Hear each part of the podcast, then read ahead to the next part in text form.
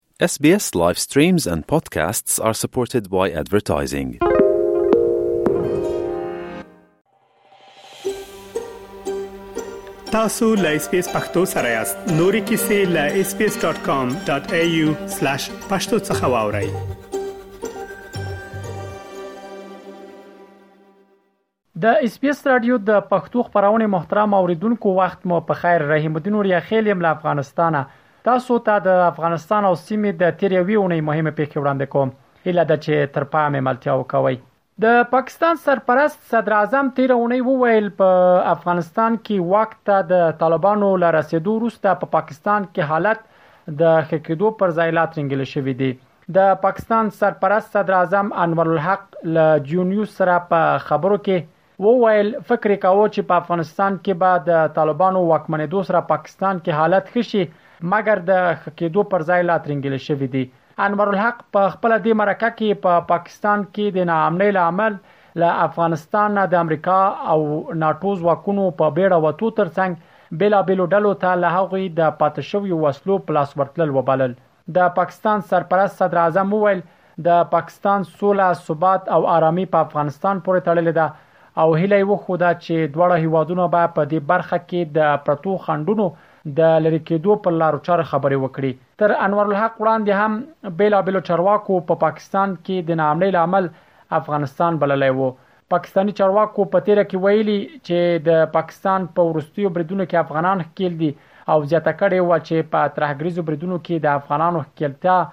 د سیمې ثبات ته زیان رسوي. د طالبانو سرپرست حکومت د پاکستان د سرپرست صدراعظم تازه څرګندونو په اړه څه ونه ویل خو تر دې وړاندې یې ویلي چې پاکستان باید د دې ډول څرګندونو پر ځای خپل امنیت ته سمه پاملرنه وکړي.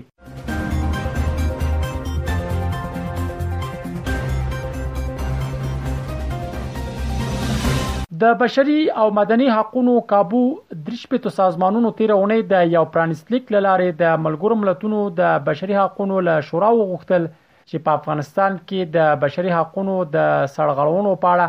ژر تر ژره لاس په کار شي. په دغه پرانیستلیک کې چې د سپټمبر په څلورمه خپور شوی و راغلي ول، په افغانستان کې د طالبانو د دوه کلنۍ واکمنۍ پر مهال نه یوازې د بشري حقونو مدافعان، خبریالان او هنرمندان ځورول شوي، بلکې د انتقامي وژنو د زیاتوالي، اعدامونو، ربړونې، ناوړه چلند، په خپل سر نیول او د پخواني حکومت غړو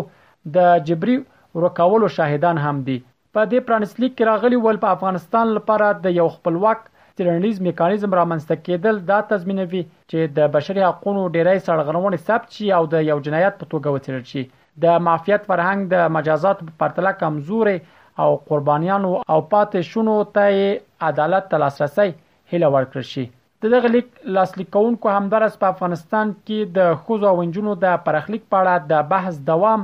او د ملګرو ملتونو د ځانګړي راپور ورکوونکي ریچارډ بند د ماموریت په دوام ټینګار کړی و د بشري او مدني حقوقو لسګونو سازمانونو داسې مهال د ملګرو ملتونو د بشري حقوقو له شورا غواړي چې په افغانستان کې د بشري حقوقو د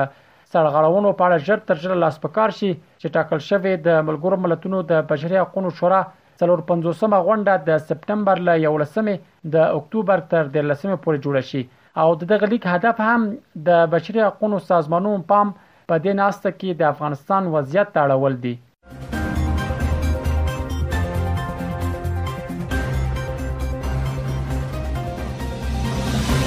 د امریکا یو سوداګریز پلاوي تیره اونۍ کابل ته د خپل سفر پر مهال وویل چې دوی د افغانستان د خصوصي سکتور له پیاوړتیا سره مرسته کوي. د دغه پلاوي مشري چې د افغانستان امریکا د سوداګرۍ خونې مشر جیفري کریکو کوله،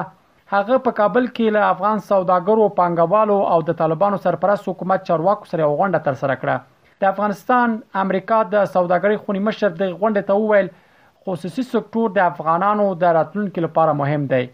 د جرمني ډي پي آی خبري اژانس د امریکايي پلاوي د مشر جیفري کریک له قوله وویل، دوه زره او یوویشتم کال کې امریکايي پانګوال له افغانستان نه ووتل، خو اوس له هغوی غواړي چې بېرته افغانستان ته راشي او خپل پخواني زرګونه کارکوونکي بېرته استخدام کړي. دغه پلاوي د جرمني له دغه اژانس سره په خبرو کې ویلي ول چې دوی د امریکا د بهرنیو چارو وزارت په ملاتړ کابل ته راغلي دي د یادونې ده چې د افغانستان امریکا د سوداګرۍ خونه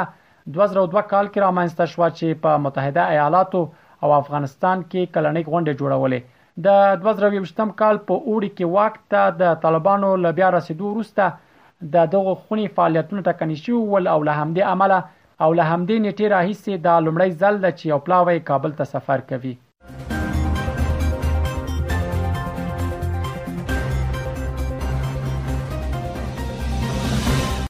دې اونۍ د پای موضوع هم دا چې د طالبانو او پاکستانی پولیسو ځواکونو ترمنځ تیر اونۍ په تورخم کې لنښتي ورسته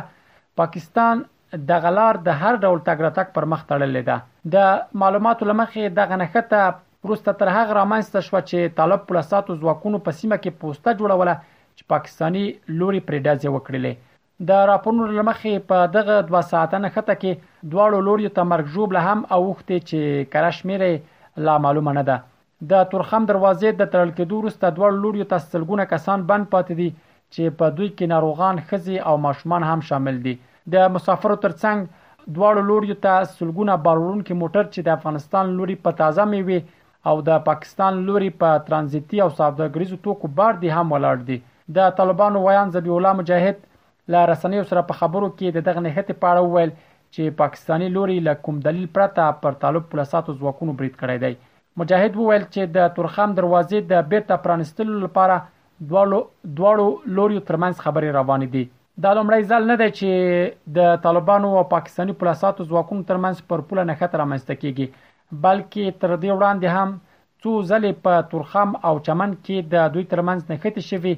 چې دواړو لوریو پړه چې دواړو لوریو پړه پر یو بل اچولې ده. دا ول د افغانستان او سیمې د تیر یوې اونۍ مهمې پیښې چې ما تاسو ته وړاندې کړې.